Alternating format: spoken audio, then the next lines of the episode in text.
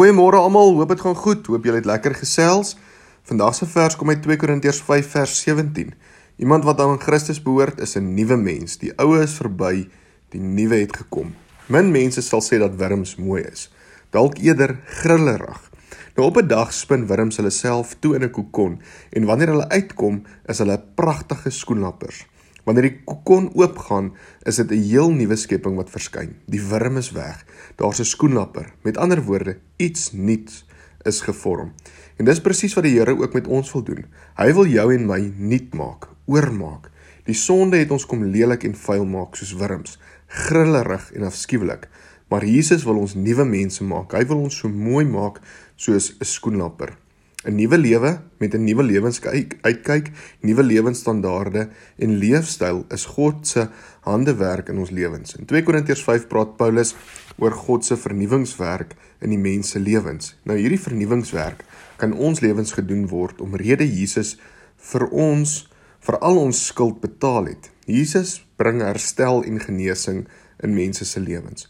God is die outeur van die van die verandering in ons lewens. Met ander woorde, wat Paulus sê is dat God die nuwe skepping bewerk op basis van dit wat Christus aan die kruis gedoen het. God neem die inisiatief om die ou sondige mens 'n nuwe skepping, 'n nuwe werklikheid en 'n nuwe mens te verander. Deesdae is 'n makeover programme baie gewild. 'n Vaal persoon word oorgemaak en lyk soos 'n model. Paulus praat hier ook van 'n makeover, maar dit gaan diep tot in jou siel. In Jesus kry jy 'n egte en 'n totale makeover. Het jy al so 'n makeover gekry? Kom ons bid saam. Here, dankie dat ons weet in Christus is ons 'n nuwe mens. Here, dit is dit is net U wat al die sleg en al die lelik kan kom wegvat. En daarom is ons dankbaar vir Jesus Christus wat aan 'n kruis gesterf het.